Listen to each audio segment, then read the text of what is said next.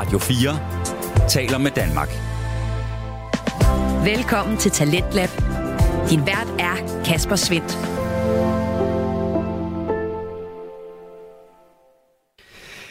Og tilbage fra ferie, så står jeg endnu en gang klar med et øh, fokus på det danske podcast Vækslag. Det gør jeg i aften med to fritidspodcast, som øh, hedder Frygteligt Fascinerende og Gud bevarer anime. Og vi skal både genbesøge et øh, tidligere afsnit, og så skal der testes en vært ud i hans store passion.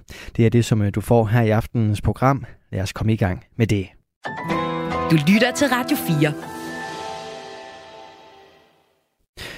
Og øh, først for, så har vi altså frygteligt fascinerende, det er med verden Maria Kudal. Og det her, det er en øh, fortællende true crime podcast, hvor Maria, hun øh, præsenterer os for skrækkelige historier, som altså også er lidt spændende at øh, høre om. Hun øh, dykker ned i uhyggelige fænomener, ulykker og fortællinger om øh, menneskets hårdmod, som øh, står i række på podcastens liste. Og øh, Maria, hun bliver ved med at udvikle sig både som researcher og fortæller. Den udvikling kan du både finde inde på de forskellige sociale medier, men især selvfølgelig her i podcasten, hvor den i løbet af sommeren har stået på et øh, tilbageblik på nogle af hendes øh, første afsnit, som øh, du altså her i løbet af de sidste par måneder har fået i nye versioner. Sådan en får du også i aften, hvor fortællerfokuset er sat på skibet Estonias og dets forlis tilbage i 1994. Og første bid af historien om det får du her. Du lytter til Frygteligt Fascinerende. Du vågner med et sæt i mørket, og larmen omkring dig er øredøvende. Dit hjerte hamrer i brystet på dig, som om det er på vej ud igennem din ribben. Du tøver et øjeblik, overvældet af forvirring. Forsøger at få samlet tankerne. Du kan ikke helt afgøre, hvad det er, der har vækket dig. Bevares. Det larmer. Det gjorde det også, da du lagde dig til at sove. For det stormer på Østersøen, og det er der, du befinder dig. I en kahyt på et skib i Østersøen. Du er gået tidligt i seng, fordi du er blevet lidt søsyg af stormen, og på en eller anden måde, så lykkedes det dig altså at falde i søvn. Men nu er du vågnet igen, og du er bange. Hvad var det, der vækkede dig? Det får du hurtigt svar på, da du hører et voldsomt metallisk drøn. Det rykker kraftigt i skibet. Bølgerne må virkelig være blevet voldsomme. Mens du prøver at få ro på dit bankende hjerte, overvejer du, om de lyde er almindelige, selv når der er storm. Men så hører du uro ude på gangen. Ophidsede stemmer. Folk, der løber forbi. Og det er nok. En iskold bølge af frygt rammer dig. Fornemmelsen af, at du er i fare, niver dig i maven. Du forsøger at samle dig selv lidt og lytte efter lyde, der kan forklare årsagen til den uro ude på gangen. I stedet hører du det igen. En dump, redselsvækkende støj, der skærer igennem din kahyt. Hvis du ikke vidste bedre, ville du sige, at det var skibet, der klager sig. Panikken stiger i dig, mens du kaster dig ud af sengen og griber fat i det nærmeste stykke tøj. Du tager det lynhurtigt på, hver eneste fiber i din krop skriger, at du skal komme væk. Du åbner døren til kahytten, og det, der møder dig, er en scene fra et mareridt. Gangen er fyldt med larm. Lyset virker dæmpet, som om det kun er nogle af lamperne, der virker. Panikslagende passagerer flygter i alle retninger. Dit hoved løber hurtigere end dine ben. Du træffer hurtige beslutninger. Hvert eneste sekund er vigtigt. Du følger strømmen af mennesker mod nødudgangene. Håber på at finde en vej ud af skibet. Men gangene er labyrintiske, og kaoset gør det svært for dig at bevare overblikket. Du kigger ned på dine fødder og opdager pludselig, at du går op ad bakke. Da du drejer med hjørne og kigger ned ad en lang, underlig tom gang, kan du se, at gulvet hælder stærkt til den ene side. Du skal ud af det her skib. Du løber hurtigt ned ad den tomme gang. Lægger ikke rigtig mærke til folk omkring dig. Der er ligesom heller ikke så mange af dem mere. Du presser dig forbi et par stykker op ad en trappe, men du ser dem ikke rigtigt. Du har nok at gøre med at klare trappen. Den hælder underligt til den ene side. Det gør det sådan lidt hul om hejhusagtigt, svær at komme op af. Endelig får du øje på et skilt, der viser retningen mod en nødudgang. Du retter blikket stift fremad og følger skiltets pil. Du når nødudgangen og vælter ud i den kolde natteluft. Skibet hælder voldsomt til siden, og lyden af metal, der knirker og brækker, er øredøvende. Du tager et øjeblik til at trække den kolde luft dybt ned i lungerne, mens du kigger op i den overskyede nattehimmel.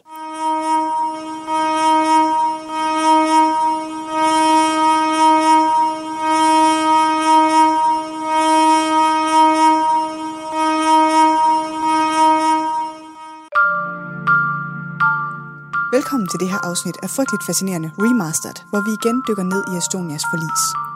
Frygteligt Fascinerende er en podcast om alt det frygtelige, som alligevel fascinerer os. Her nørder vi helt ned i detaljen i nogle af de mest opsigtsvækkende og uhyggelige fænomener og begivenheder i historien. Velkommen til. Estonia afgår planmæssigt fra Tallinn kl. 19, tirsdag den 27. september 1994, med kurs mod Stockholm.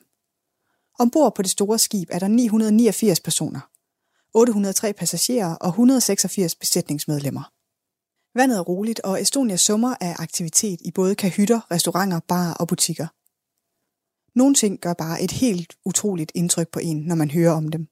Og sådan har jeg det med Estonias forlis. Det er selvfølgelig både fordi det var så voldsom og tragisk en ulykke. En af de mest dødelige skibskatastrofer i nyere tid. Men faktisk så kommer min interesse for Estonias forlis et lidt andet sted fra. For den 14. april 2012 viser DR2 temalørdag i anledning af 100-året for Titanics forlis. Med titlen Overlever du skibskatastrofen? Og det skulle jeg selvfølgelig se. No doubt about it. Og jeg sad klistret til skærmen, mens tre af historiens store skibsforlis med danskere ombord blev udfoldet.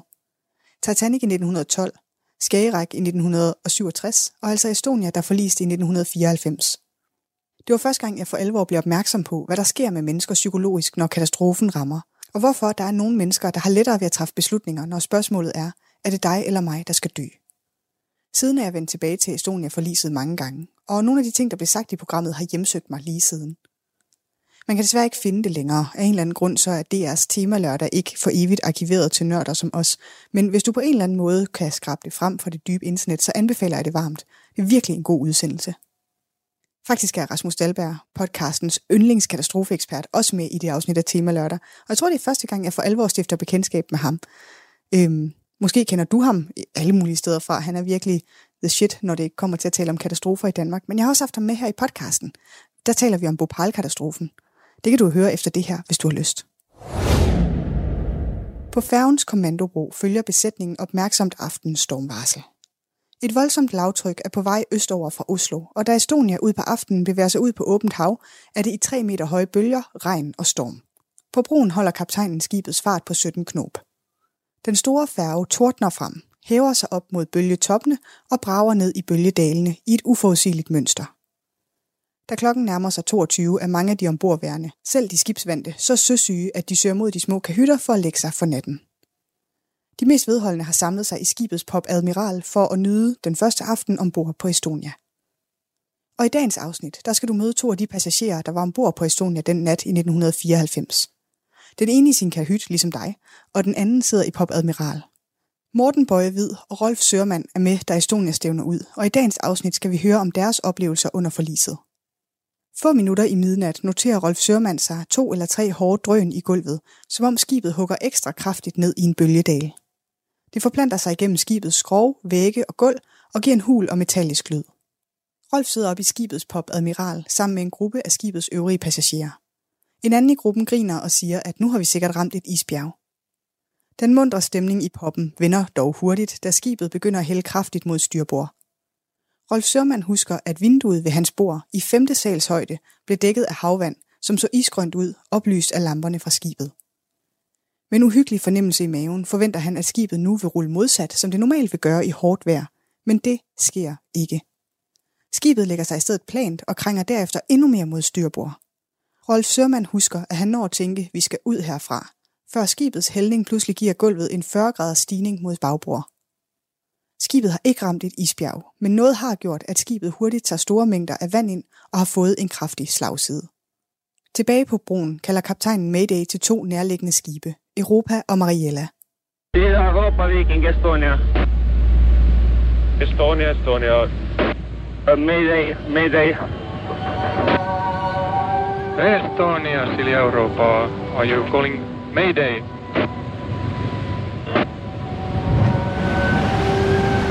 Estonia, what's going on? Can you reply? Jo, meil on nüüd... Ja, vi har et problem. Vi krænger kraftigt mod styrbord, 20 eller 30 grader. Kan I komme os til undsætning og tage Mariella med? Ja Mariella er bag os og har fået oplysningen. Kan du give os en position? Vi er mørklagt, og vi... Jeg ved ikke. Modtaget. Vi i gang sætter de nødvendige tiltag. I mellemtiden i kahyt 4603 ligger danske Morten Bøje Hvid i sin seng. Han er gået tidligt ned på grund af søsyge og forsøger at fortælle sig selv, at skibets lyde er helt normale. Han hører også de høje drøn, som han tror er store bølger, der slår mod skibet. Et af drønene sætter en bilalarm i gang på de underliggende dæk. Han bliver i sin kahyt et par minutter, før han hører ophidsede stemmer ude på gangen. Morten står op, og iført underbukser og t-shirt går han ud på gangen, hvor han hører en alarm, der ringer svagt af to omgange. Han går tilbage for at vække sin rejsekammerat Knud Ølgaard og tager bukser og støvler på, før han bevæger sig mod udgangen. På det her tidspunkt krænger skibet allerede så meget, at Morten går stejlt opad for at komme ud af skibet. Da jeg kommer ud af min kahyt, drejer jeg til højre. Jeg mener, jeg ser noget vand komme ind fra, fra det, jeg vil kalde et, et koøje, men igen er jeg usikker på det. Men, men jeg kan ikke komme, meget hurtigt kan jeg ikke komme videre, fordi der er, af ting og sager, der, der spærer for, jeg tror, det var, har været et skab, der spærer for, for udgangen. Jeg husker kun øh, den her fornemmelse af, jeg må ud, jeg må ud, jeg må ud. Da han vender om og kommer tilbage gennem skibet, løber han nu ned ad bakke på grund af skibets stejle krængning. Flugten gennem skibet står uklart for Morten, der mest husker at have klatret op af mange trapper og flere gange noteret sig Knud Ølgaard bag sig. Det er svært at orientere sig i det skrånende skib, fordi gulvet ikke længere vender nedad, og flere steder må han kravle og klatre over gelændere for at komme frem.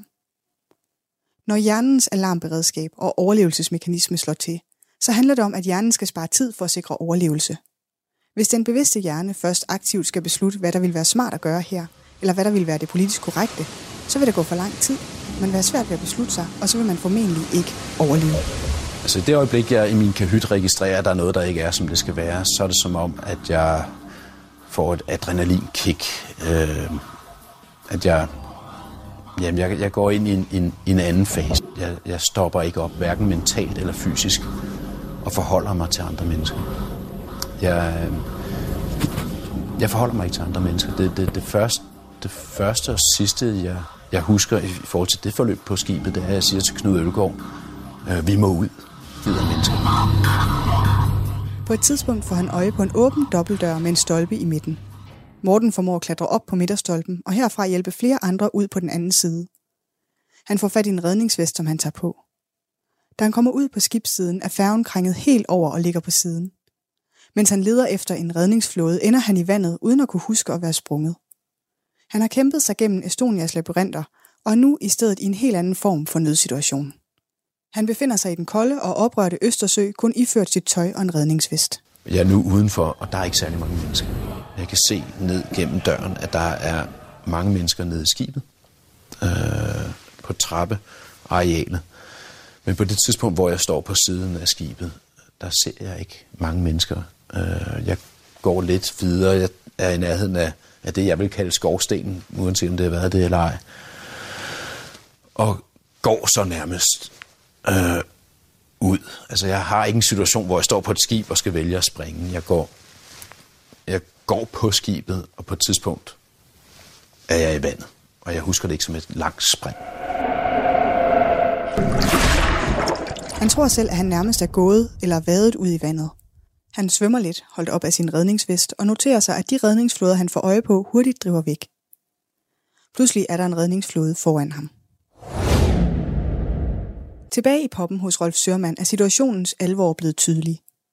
Skibets hældning sender møbler og nips rutsjende gennem lokalet og efterlader flere personer sårede og fastklemte. Rolf begiver sig hurtigt ud i skibets gange for at finde en vej ud sammen med tre andre svenskere fra det selskab, han rejser med. Skibets gange er et kaos af ting, der flyder med glasskår og flasker fra tax-free-shoppen, og Rolf husker, hvordan han med nød og næppe undgår en colaautomat, der kommer farne imod dem. Gruppen finder hurtigt frem til en trappe, men skibets hældning har gjort trappegangen til et logikforladt sammensurium. Op er ikke længere op, ned er ikke længere ned.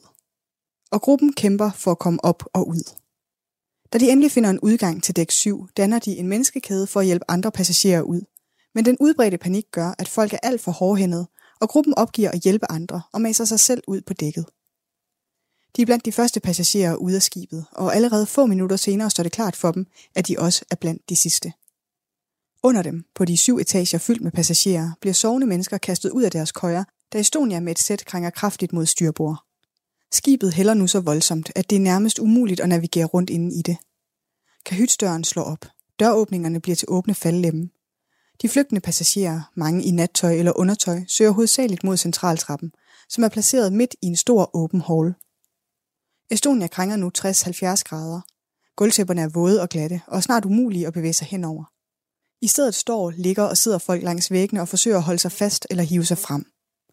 Nogle skriger i panik, andre stiger frem for sig i apatisk lammelse. Som hældningen forværres, begynder flere af de måske hundredvis af mennesker at skride og falde. Faren er nu åbenlys, og panikken spreder sig. Råb og skrig fylder gangene, da den vinduesløse labyrintiske verden vælter om på højre side. Men udenfor på skibets dæk er der underligt stille. Det er ikke lykkedes for ret mange passagerer at komme ud, og de få, der er, bruger deres energi på at lede efter redningsveste eller frigøre redningsbåde.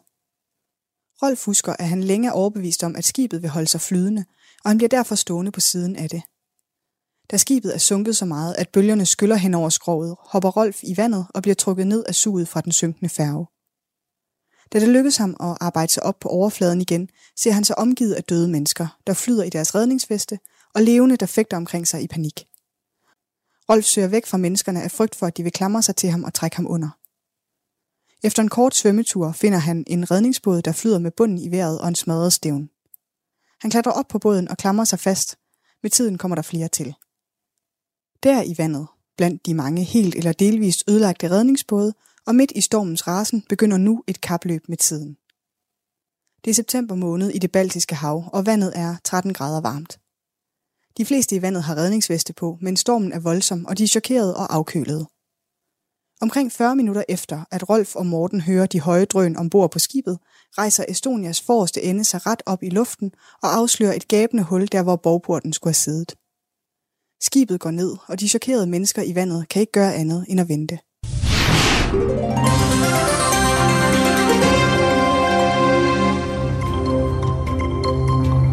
Goddag her i TV-avisen med en ekstra udsendelse.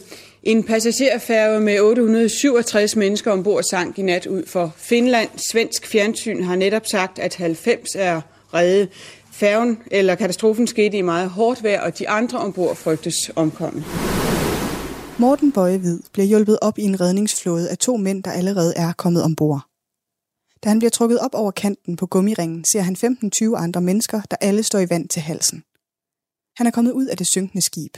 Hans overlevelsesinstinkter har slået alle følelser fra, og nu ser han indersiden af den flåde, som han håber bliver hans redning. Da jeg øh, driver hen til den redningsflåde og kommer op, bliver det en skuffelse, fordi at det ret hurtigt står klart for mig, at det her er, er ikke en, en holdbar løsning.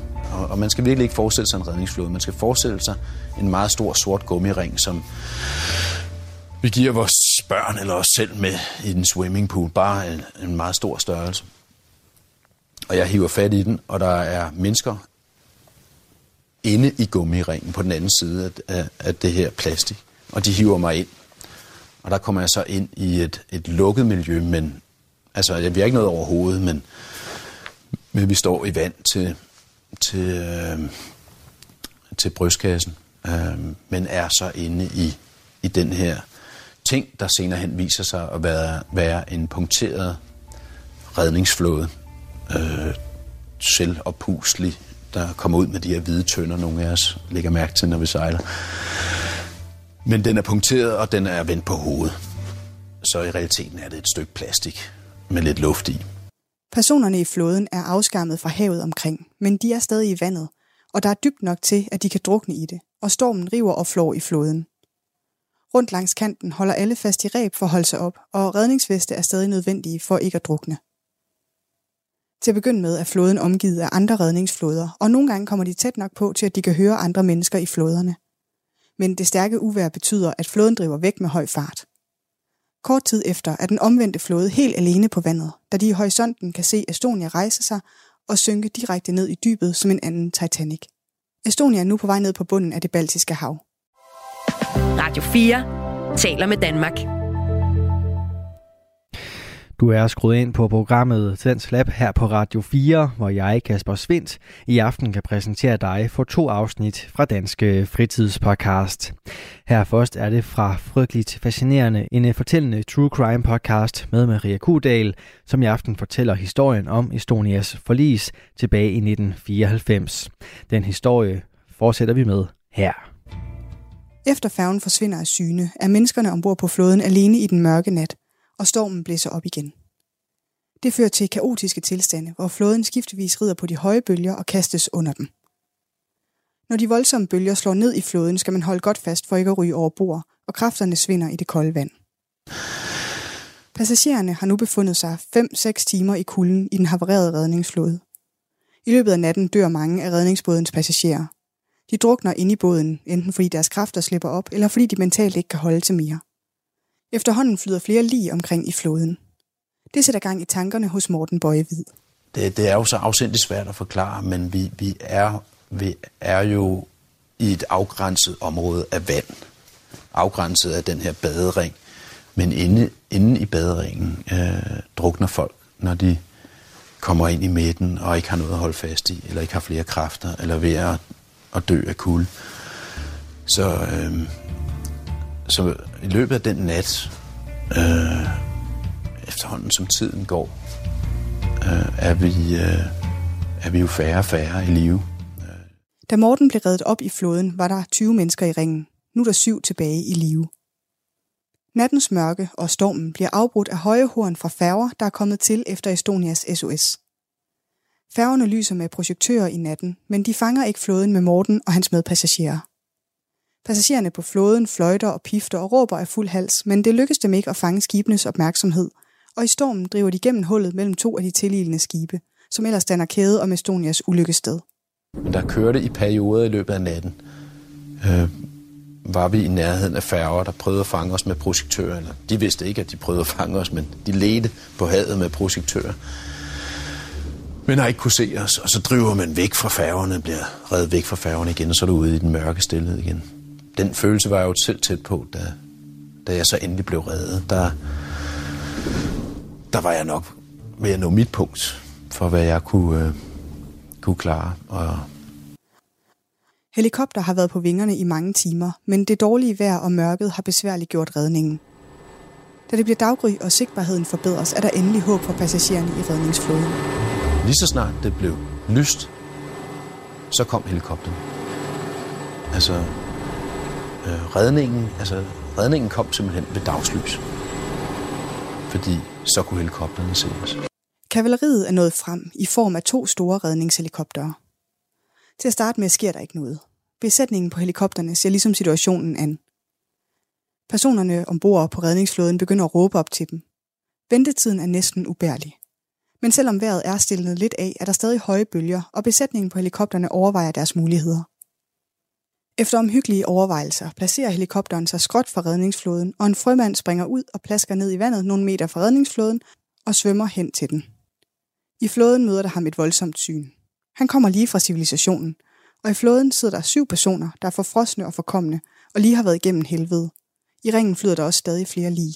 Den her udbær kommer ned, kommer ind i vores flåde, har en, en uh et ræb, hedder det jo ikke, men har en line op til helikopteren, og, øh, og begynder, at bliver så i flåden, for i stedet for at tage med op, så bliver han i flåden, sender en mand op, øh, der kommer op på, på hejseværket, men som ikke er i stand til at holde sig fast, og han slipper grebet, falder i vandet og forsvinder fra os. Det, det, var, det er derfor, jeg ved, at vi har været syv, fordi vi var seks, der overlevede. Øh, så vi var syv i live på det tidspunkt. Og jeg er så den næste. Og jeg blev så hejst op. Øh, havde egentlig håbet på, at han ville tage med mig. Det synes jeg, jeg havde set på, på film, at de gør. Men, øh, men jeg måtte, måtte selv få den her orange ting rundt om, øh, øh, rundt om kroppen, og så ellers holde fast. Med iskolde fingre og lemmer hager Rolf Sørmann sig fast til sin redningsbåd, som rider op og ned på bølgerne, bliver kastet rundt i den kolde storm. Som minutterne går, dør råbene i natten ud. Men en ung estisk pige på måske 16 eller 17 år dukker op ved båden. Rolf husker, at han holder fast i hende og opmuntrer hende og taler med hende. Men det bliver koldere, og pigen er såret, forfrossen og omtoget, og timerne går. Til sidst er hun bevidstløs. Rolf Sørmand forsøger at holde fast i hende, binde sin jakke om hendes arm, men hans fingre er så frosne, at de ikke vil lystre. Da en bølge skyller pigen væk, mister Rolf Sørmand for første gang troen på, at han kommer til at overleve. Han overvejer længe at løsne sin redningsvest og drukne og få det overstået. Efter tre timer på den omvendte redningsbåd dukker helikopter og redningsfartøjer op. Men det er for mørkt, og stormen er for voldsom til, at de kan i gang sætte en redningsaktion. Da Rolf endelig bliver reddet op i en helikopter, er han underafkølet og svækket, men i live, som en af de kun 137 overlevende efter katastrofen.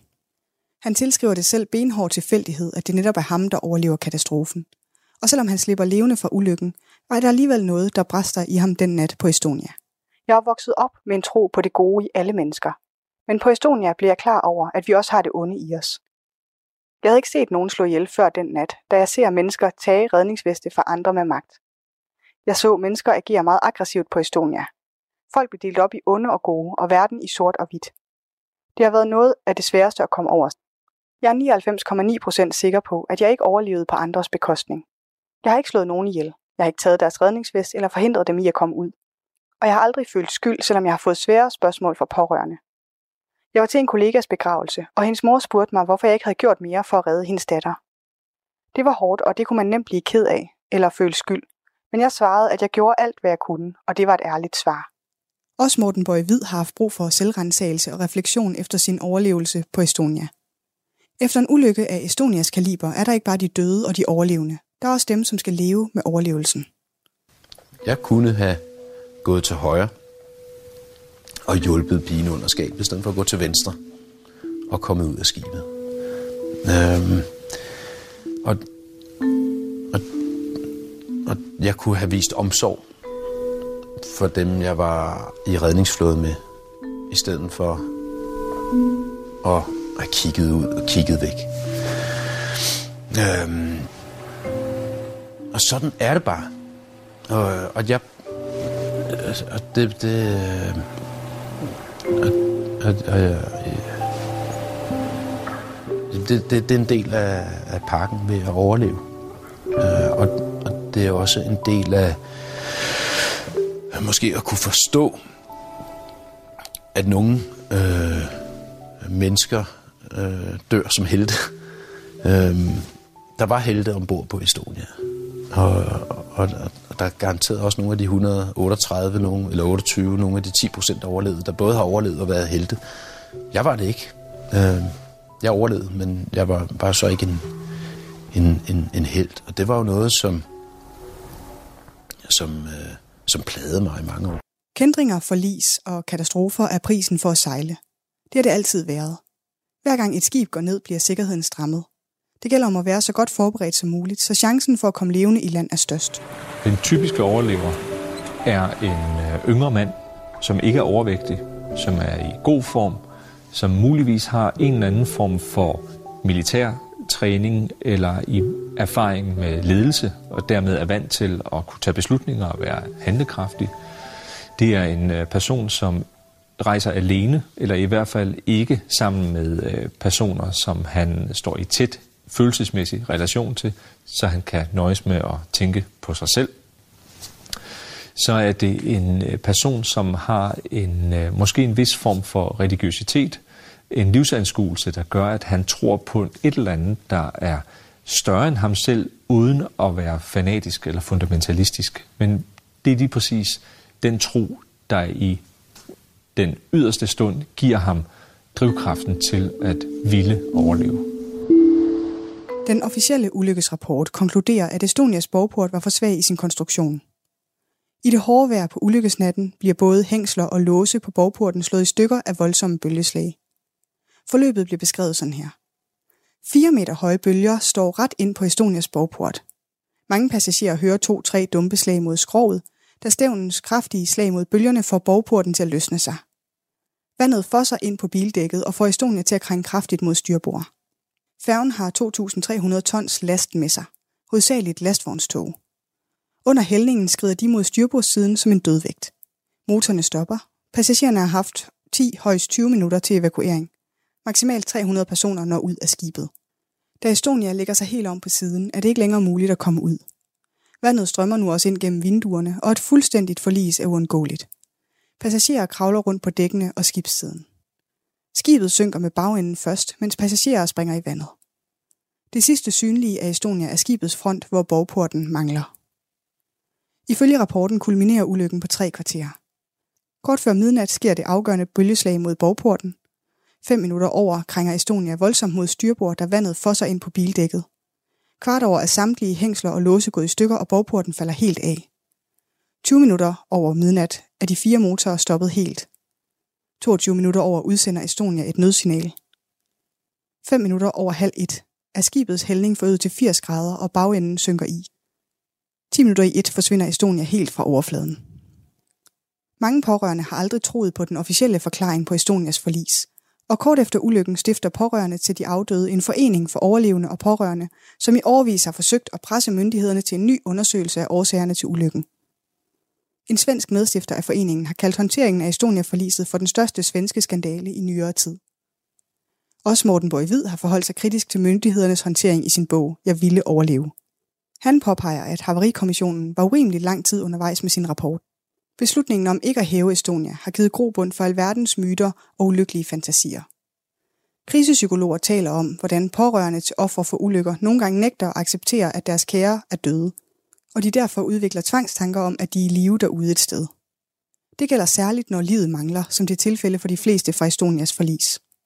Morten Bøjvid siger om myndighedernes undersøgelser, at de i bedste fald var tilfældige og i værste fald kaotiske, og han har således ikke meget til overs for de konklusioner, de er nået frem til.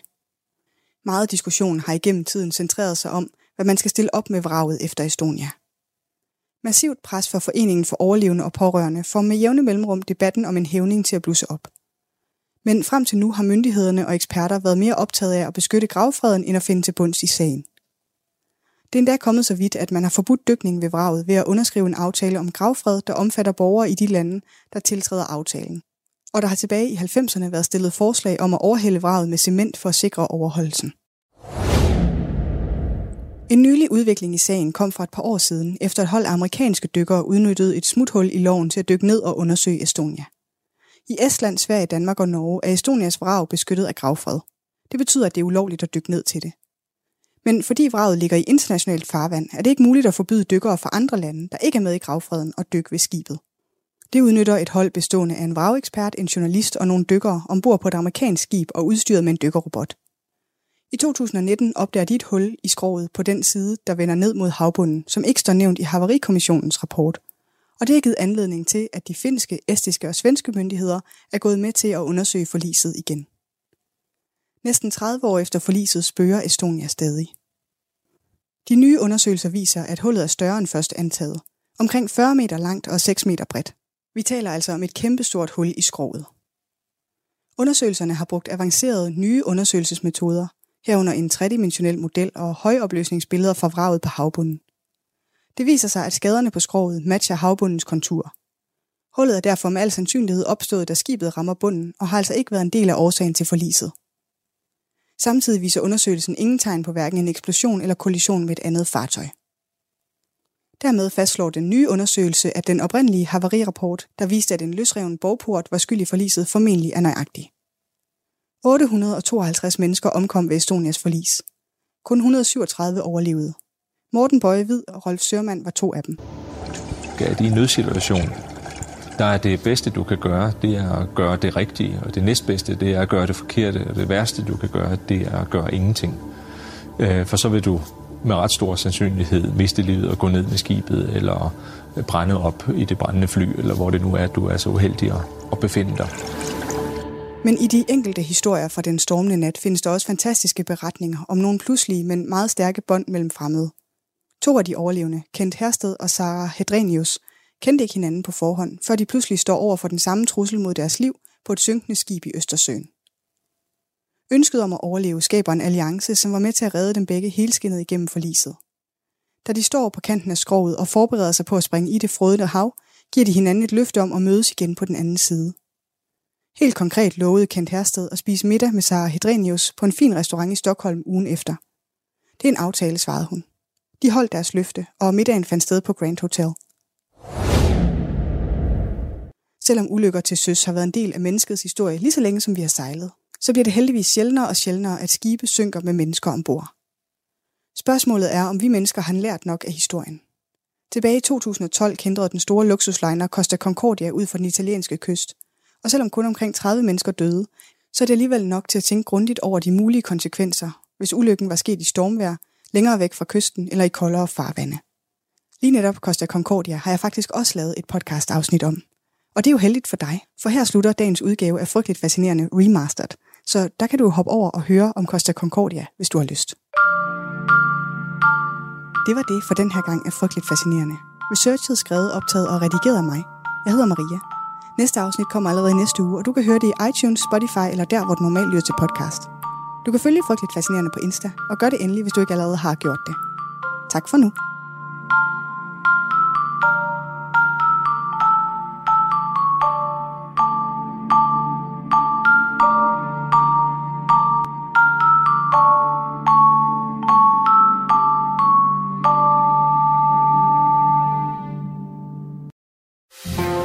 Du lytter til Talentlab på Radio 4. Det var aftenens episode fra Frygteligt Fascinerende med verden Maria Kudal, som er denne gang altså genbesøgte hendes fortælling omkring øh, skibet Estonias flis tilbage i 1994.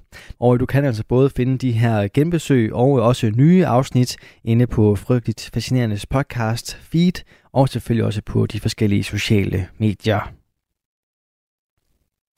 Og en øh, podcast, du også finder alle de steder, det er Gud bevarer anime, og den består af de to værter, Mads Nørgaard og Kasper Påske. De kaster deres kærlighed på anime, som er den her japanske tv-tegnefilmstil, som øh, ofte er baseret på de grafiske noveller, kaldet mangaer, og øh, de kan ved første øjekast begge to godt virke skabt til børn, men både handling, det visuelle og temaerne i historierne er ofte ret så voksne. Og normalt så er det præcis de historier, som øh, Kasper og Mads de kaster sig ud i at tale om her i podcasten. Men i aften der får du i stedet for et øh, specialafsnit, hvor den gode Mads han skal testes i både viden og præferencer inden for genren, de to værter har så meget passion for. Og øh, første bid af den test får du her. Skal vi lukke vinduet? Lad, lad os vi har meget synkront. Ja. Skal du være med i podcasten i dag, måske? Nej. Jeg håber ikke, det bliver mega varmt nu. Det kommer til, så kan du sidst, der sad jeg virkelig bare svedt. Ja.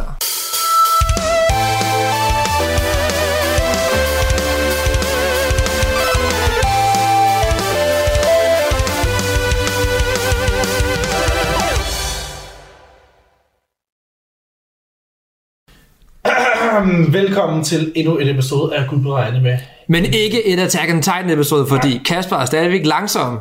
Ej, jeg har faktisk det færdigt. Okay. Det er jo Røg, mangler. Det er vores gæst, vi venter på. Ja, som øh, måske, måske ikke hedder Røg. Det, ja. han, er, han, er, han er på ferie lige nu, det skal han have lov til. Ja, vi, vi har lige få det til at øh, fungere. Det er, når man har en ekstra, en ekstra menneske. Ja. Et ekstra menneske. På. En menneske. Øh, og vedkommende så er på ferie, og hjerte, hjerte, hjerte. Og, og lige pludselig en ekstra Altså, du ved, det noget, vi lige vi nu skal koordinere med tre mennesker, så to ja. mennesker. Det er sådan lidt spændende. Yes. Øhm, også fordi vi har bedt om at se episoder. Ja. Og når man ikke er Jonathan, der har, der ved, apparently, og altid i verden. Ja, Shout out til dig, Jonathan. Se tre ark på en eftermiddag. ja, præcis. Så er det fair nok, at de tager tid. Så ja. vi beklager, men øh, der kommer lige til at gå lidt tid inden det episode. I mellemtiden har vi så lavet det her episode. Og hvad har du forberedt til mig, Kasper? Jeg har forberedt det, som du forberedt til mig.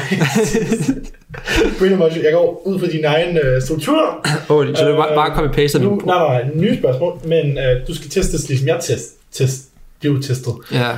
Øh, Testikler. Testikler, yes. Yeah. yes. Det var det præcis det, jeg prøvede at sige. Øh, vi skal igennem fem, nej, seks ting, ligesom du kan igennem med mig. Ja. Men hvor du havde Would You Rather, Matchup, blinde rankeringer, kan du gætte en dårlig beskrevet anime og gætte pøbens holdning, så har jeg de samme, bortset fra at matchups er byttet med en anden genre. Oh. Og den vil jeg først sige, når vi kommer til den. Spændende. Yes, men det er det samme sted, så er det nummer to. Yes, okay. Uh, jeg tror, at det her det er ikke fordi, at, at du har været en, en dårlig medvært, noget som Det var fordi, at nu tester du mig, så nu, nu tester jeg dig. Og, og du er dårlig som vildt at bruge lang tid på at se det, så du er nødt til at lave noget content til os. Ja, ja sure. det er godt se. Ja. Uh, jamen, er der noget andet, vi skal sige, Mads, ellers så går vi bare i gang? Ja, yeah, bring it on. Bring the hellfire. Er der noget, vi skal sige? Ja, siger du, og så du bring it on. Mm. Så nej. Det er det, det du skulle sige. Yes, okay, fint nok. Den første genre, første ting her. Vi har jo ikke te med jo i dag, fordi det er varmt udenfor. Nej, vi har, vi har har Harbo Cola. Hav, hav. Ikke, ikke sponsoreret. Ikke sponsoreret. Men, men det må gerne Og et glas vand. Ja, det er jo faktisk vand. Mm. Uh, den første er Would You Rather, ligesom din. Ja. Øh, og jeg er ret sikker på, at du faktisk godt kan de her, hvis du kan huske dem, fordi jeg tror, jeg har fået nogle præcis samme rankeringer som dig. Okay. Men jeg har taget de andre, som du ikke har taget. Okay, Så okay. jeg er lidt spændt på at se, om du kan huske dem her, Mads. Så jeg skal gætte, jeg skal gætte flertallets holdning, eller hvad? Præcis, ligesom, Okay. ligesom med mig. Så Ja. du, gæt, du, du får du, jeg ved, et would you rather question, Mm. og så skal du gætte, hvad for en de fleste mennesker så ja til. Ja. Yes, så den første hedder, would you rather A. Gå ind i en, en anime-verden, som du selv vælger, Mm. Eller bringe en anime-karakter ud i den virkelige verden? Uh. Hvad har de fleste mennesker sagt? Åh, oh, altså... Jeg ved hvilken verden man tager på, fordi jeg vil ved Gud aldrig gå ind i Attack on Titan-verden, for det lyder som død og pine jo. Mhm. Mm, øh, men jeg tror, der er så meget fantastisk, fordi der er sikkert flere karakterer, man gerne vil møde, i stedet for bare at tage en ud. Ja. Så jeg tror, flertallet vil gå ind i en verden. Altså A'eren der. Ja. Det har du fucking korrekt i. Yes, hvad, hvad, hvor, hvor skævt er det? Eller hvad, hvad, er percentage? Øh, 68 til 31. Nå, det var... Det, jeg glemte helt at sige, jeg er jo lige så hård vært øh, dommer, som du er. Det kan du ikke være. Jo, jo. Det kan du ikke være. Okay, men, men Ingen det slår mig. Nej, nej, helt sikkert, men, men, men, men det er... Det er godt, du. Okay, så det var et point til dig. Mm. Du får et, du får et et-tal der. Yeah. Hvis vi gør Kasper tasser, så fordi han ikke har noget papir at skrive på eller noget. Nej, Så jeg, undskyld, hvis I kan høre en masse klik, klik, klik lyd. altså, det bliver en klik en gang imellem. Men ja. uh, anyway, er du klar næste? Ja, jeg kom med det. Bring it. Vil du hellere have Ang fra Avatar The Last Airbenders evner? Eller uh. Hinata fra Narutos evner? Og så igen, hvad har de fleste mennesker stemt ja til? Og altså, Shinatas evner... Er det bare Byakugan, eller hvad? Oui. Hmm. Og altså, obviously, overload of cuteness.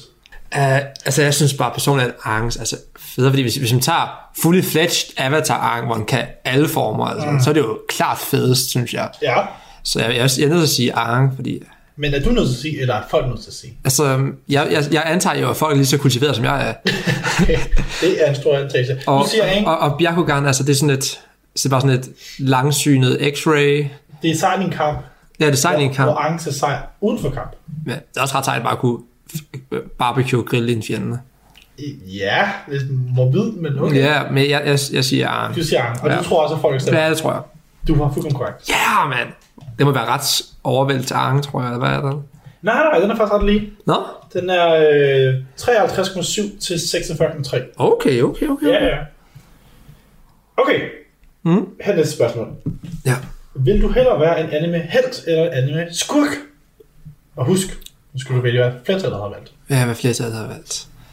Og der er nogle rigtig gode skurke derude, men, Det er der nemlig. men bare sådan, kom på, hvis, kommer hvilken anime man tager fra igen, fordi hvis du tager fra en eller anden sådan Jeg tror- ha- relativt lalleglad shonen, så bliver skurken altid benådet til sidst. Jeg tror, det er meget sådan specifikt. Altså, vil hellere være en held eller en skurk i de her verdener her? Ja. Men bare sådan, skurk, helte får mere screen time. Ja. Uh, altså skurk, det er selvfølgelig, der, der er helt altså sådan perks, men altså, would, would I want to die? Nej, det vil jeg jo ikke. Men jeg tror, jeg går against my guts her faktisk, for jeg er splittet, så jeg tror, folk gerne vil prøve at være en skurk, fordi de typisk også lidt sjovere. Folk vil gerne helst være en skurk? Ja. Nej. Åh, oh, Folk vil faktisk helst være helte. Ja, det tænker jeg nok. Meget, faktisk. Ja.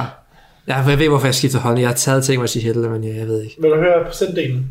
Altså en 80-20 eller sådan noget. Øh, nej, øh, men tæt på. 68,8 og 31,2. Ah, okay. Ja. Er en stor forskel. Folk er kedelige. Altså, jeg er altså, faktisk altså, lidt jeg vil gerne være. Dio, altså. Også fordi jeg er faktisk, altså så vidt jeg forstår, så er der faktisk ret mange mennesker, der sådan godt der sådan, sympatiserer med, med, med skurkene. Ja, Men nu var det ikke nok til, de lyst til at være dem. ja. Altså, hvem vil ikke være Dio? Dio, the most beautiful man? Ja, true, men han får ikke sådan sit hoved sprunget af og sådan noget. Ja, ja, ja. Han har det fedt indtil da. Okay, her, Lev ung, lev stærkt. lev, lev stærkt. her, her, her er en spændende. Er du klar til den her? Ja. Vil du hellere øh, kunne vokse dig til 100 gange din størrelse og ødelægge Tokyo, eller kunne kaste energikugler? Energi, altså bare sådan, alt fra Kamehameha til whatever, altså Rasengan, alt sådan noget. Ja, bare energikugler. Bare, bare Altså, hvis du anden. har set Dragon Ball, så vidste du, Kamehameha er baseret på den gode energi, der er i verden jo, så det er jo ikke energikugler. Men energikugler. Ja, altså, noget af det. ja. Jeg, jeg, jeg, jeg tænker bare, at det måske var en kugle, der blev til en beam. Altså, en kugle, er ikke en beam. Jamen, en kugle kan blive til en beam. Nå, det er en kugle. Nå, okay. En kugle bliver til en kugle. Nå, okay, så havde jeg ret. Den bliver ikke din bil. Det synes jeg, når jeg har aldrig set Dragon Ball, så skal jeg kunne sige. Så hvad vil du? Hvad, hvad tror du, valgt? så vil jeg helst kunne blive til en- basically en titan eller noget større end det. Eller vil jeg... Jeg kan godt forstå, du er jo, fordi 100 gange din egen størrelse. Hvis du er meget lille, så er højt. Ja, altså vil jeg være øh, 180 meter høj. Nej, det jeg nok ikke. Du skal også huske, uh, and destroy Tokyo, det er sådan det der. Du skal ødelægge. Så jeg skal ud i Tokyo. Mm-hmm. Det vil jeg aldrig gøre. Men vil mennesker gøre det? Nej, det vil mennesker ikke. Mennesker, altså, der er så meget, der er så meget show off, vi kunne lave energy balls and stuff. Ja, så du tænker... Ja, det er der. Det er nødt til at være det. Er det ja, rigtigt? Har helt right, ja. Ja, den er faktisk rimelig... Øh, One-sided. one-to-one. Den er øh, 84,6 på energikugler, og Ja. 15,4 på... Der er nogle fucked up mennesker derude, der gerne vil ødelægge verden. Tokyo. Er det 15? 15 Men der, det, der er en lille fortal True. af psykopater derude. Her er en spænding til dig. Er du klar til den her? Åh, oh, er den målrettet mig, eller hvad? Nej, men den ender med at være hos dig. Vil du hellere være på, øh, vil du hellere være en, altså du er en, en, en ninja, eller vil du gerne attend til Duel Academy for Yu-Gi-Oh! GX? Åh, Du skal på, hvad folk, folk har stemt. GX. Åh, oh, Duel Academy. Bare var sådan, jeg føler virkelig, at sådan, at Duel Academy i GX er sådan den mest nyttesløse skole nogensinde. det er en skole, hvor folk lærer at spille kort. Altså, det er sådan... Det er ikke en verden, der, tænker se, kort. se et YouTube-tutorial, så kan du det samme, altså. Det er så grænt Nogle gange, når man hører, hvad de lærer, så er det sådan, did you not, how did you not know this? Ja, lidt. Ja, ja, der er nogle åndssvage ting, men det kan vi snakke om, hvis vi tager en GX-run. Yes, så... Uh, jeg er nødt, hvis, hvis, vi kunne blive, hvis vi kunne blive ninja, Ja. altså, jeg antager, jeg er nødt til en pretext om, at jeg har mulighed for at kunne blive til ninja. Jeg rent faktisk har chakra control et eller andet udfang, der gør, Det at er jeg jo kan blive her verden her, så det må du gøre jo. Ja, ej, det er jo ikke alle, der har det i den verden, jo. Altså, De fleste. ja, de, øh, i hvert fald, det vil være så meget sejere at være på ninja-skole. Så er jeg nødt til at sige det. Altså, vil Ja, ja. vil mennesker? Jeg er nødt til at antage. Men igen, der er ret mange Yu-Gi-Oh! fans derude. Sådan rigtig, rigtig Ja, mange. det har du bevist mange gange. Der er rigtig mange Yu-Gi-Oh! fans derude. Og især, og jeg ved rigtig mange, der godt kan lide GX. GX er sådan en fan favorite blandt mange. Ja. Hvilket jeg kinda forstår, og kinda ikke forstår. Ja, så hvad siger du? Uh, jeg er nødt til at holde på ninja-skole. Okay, du siger ninja. Ja. Den er også meget rigtigt. Ja. Det er 80,1 til 19,9. Ja, okay, så mange Yu-Gi-Oh! fans er der ikke. Nope. Men der er mange. Altså, for lige, jeg, jeg drillede Kasper en anden dag med, at der var en eller anden øh, Facebook-side fra 90 anime, der havde en konkurrence om, hvad den bedste 90 anime var. Der vandt Yu-Gi-Oh! jo. Så Det er mærkeligt. Ja. Men okay, go for it. You, you, if, it makes you happy. men det gør det, fordi jeg, jeg elsker at have ret jo, så det er jo bare Ja, sådan jeg, der. jeg mener dem, men sure, Nå. hvis det gør dig glad. Det gør mig så, glad. Så gør det mig glad. Dejligt. Du er sådan, du er sådan et omsorgsfuldt menneske, altså. Er jeg ikke? Jo, Jo, Det det, jeg siger. så. Er du klar til næste? Øhm, vil du hellere komme ind i Pokémon-universet, Mhm. eller komme ind i Studio Ghibli-universet? Det er et mærkeligt spørgsmål, for der er mange ja, det, der, er jo ikke, der er jo ikke et Studio Ghibli-univers, Forestil dig, at de er som er et univers. så bare over en sideslinje, I suppose. Ja. Ja, eller bare sådan, du ved, forskellige lande eller noget. Ja. Puha. Hvor vil du så helst være? Jeg tror flest... Eller hvor vil flest mennesker? Jeg tror flest, altså, for jeg føler, at Studio Ghibli, altså, det er stadigvæk rigtig populært, Mhm. men jeg også sikker på, Pokémon er meget mere populært. Tror du det? Det tror jeg. For Studio Ghibli er sådan, jeg er ret sikker på, at der er nogen, der ser Studio Ghibli-film, uden at vide, nødvendigvis var det. De er bare set tegnefilm, I suppose. Um, og Pokémon er sygt populært. Det er fuldstændig åndssvagt. Uh, så, og så bare, altså, at kunne fange Pokémons er jo sådan en, altså, have de, have de sejeste kæledyr i verden. Så jeg tror, jeg er nødt til at sige Pokémon. Du siger Pokémon, du Ja, siger det- flest mennesker gerne være inde i Pokémon-universet. Ja. Du har fucking korrekt. Ja! Det er 67,1 Syv, damn. til 32,9. Og jeg har faktisk mm, svaret det modsatte. Jeg tror faktisk, flest mennesker gerne vil Ghibli. Ja. Men jeg tror, Ghibli er sådan lidt en svær størrelse. Der er så Ja. mange ting. Men det, det, er det er fair. Jeg, jeg genser faktisk The Wind Rises en anden dag. For en god film. Øh, er det den der, der er de nyere? Øh, den er fra 13. Ja. Det er ham ingeniør, der bygger fly under Ja. en verdenskrig. Jeg har faktisk aldrig set den. It's good. Jeg vil lige... It's sad, but it's good. Jeg har heller ikke set den der Where the Fireflies. Øh, Nej, jeg har ikke set. Nå, okay. Det er jo ellers den egentlig mere populære. Ja. Haven't gone around to it. Er du næste? Ja, kom med. Um, vil du hellere have, igen, nu skal du vælge, hvad andre folk siger, vil du hellere have en tidsmaskine, Eller vil du hellere pilot en gigantisk mech? Så, Mega. så vil jeg være en Evangelion-pilot, eller hvad? Nej, det er også af Mix, selvfølgelig. Jeg har bare endelig set en Genesis, så det er det, jeg tænker på. Ja, ja, men det kan godt være, det, det, det ved jeg ikke. Jeg, måske, jeg næsten antage, det er den, de tænker på. Øh, og det andet var en tidsmaskine. Ja. Eller en tidschamber, men nu siger jeg bare tidsmaskine. Ja. Mm, jeg ved ikke, hvilken anime tidschamber er taget fra, så jeg ved ikke helt, hvad. Hvad? Code Geass. Ah, Okay. Uh, altså, jeg har ikke rigtig nogen holdning til nogen af delene Men selv. jeg tror, vil... Det er det, jeg siger, så jeg ved, jeg har ikke rigtig gået ud fra den intuition, hvad Men jeg vil selv. du selv vælge. Jeg vil nok tage en, en mech. En mech? Bare for en tidsmaskine? Ja, fordi tidsmaskine havde jeg, fordi de er rent, de giver ikke mening, altså tidsrejse er for, på alle logiske tanker for mig selv umuligt, det kan jeg ikke sidde random nu, men jeg har prøvet at tænke over begrebet tidsrejse mange gange i min fritid, det kan aldrig nogensinde give mening. Okay. Så jeg har lyst til at tage et bold shot, som nok er forkert, men jeg håber, det er rigtigt at sige max. Nej, Nej, jeg tænker, det er tidsmaskiner. ja, selvfølgelig det. Fordi folk ikke ved, at tidsrejse er fucking ulogisk og dumt.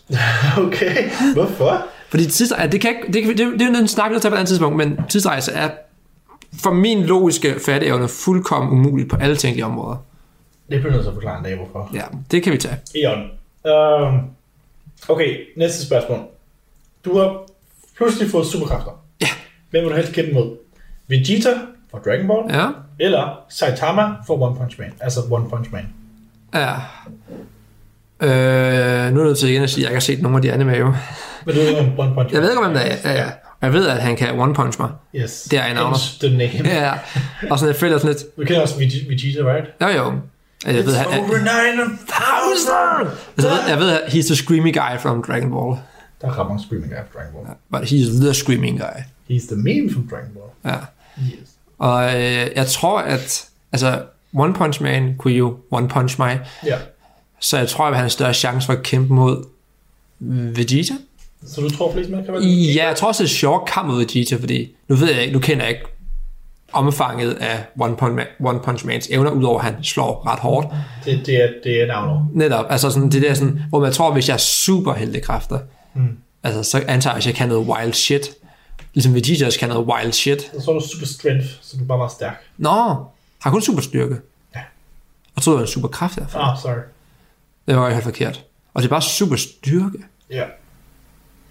Ej, jeg ved nok Vegeta, fordi det lyder sjovere. Du tror, at flest flest mennesker vil Ja, det tror jeg. Det er rigtigt. Ja! You're doing quite well. Ja, ja, altså. Um, yes, aller sidste spørgsmål. Hvilket farligt og deprimerende verden vil du helst leve i? Attack on Titan eller Evangelion? Oh. Skal vi på, hvad folk har valgt? Ja, hvad folk har valgt. Jeg har lige set en Genesis, jo. Jeg antager, det er det, du mener med Evangelion. Ja. Ja. Og det var en sad as fuck verden, hvor jeg tror, det var sådan, over halvdelen af befolkningen i hele verden var udryddet sådan, like this.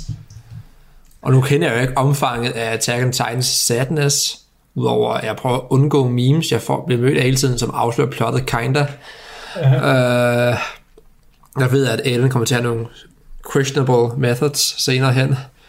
Uh, men det har ikke noget med det at gøre. Mm.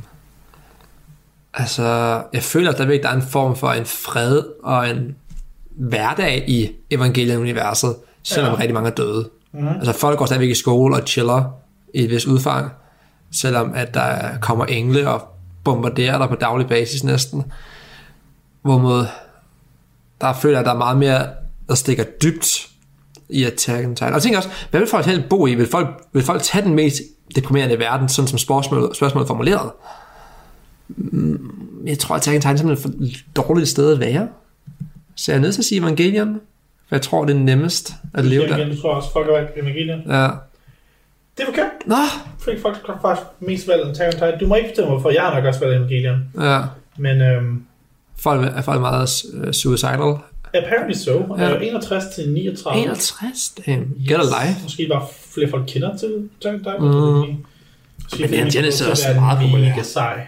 Øh, du ved, scout unit. Ja, og dø sådan. Nok dør med det samme. Ja, fordi hvis, mindre du har plot armor, selvfølgelig. Ja, selvfølgelig. selvfølgelig. Du lytter til Radio 4. Og vi skal lige gøre plads til nyhederne her på Radio 4, men i time 2 af aftenens Talents Lab, der fortsætter vi med fritidspodcasten Gud bevar ende med, der består af Mads Nørgaard og Kasper Påske. Men altså først en omgang nyheder, og de bliver leveret til dig af verdens bedste nyhedsoplæser. Du har lyttet til en podcast fra Radio 4. Find flere episoder i vores app, eller der, hvor du lytter til podcast.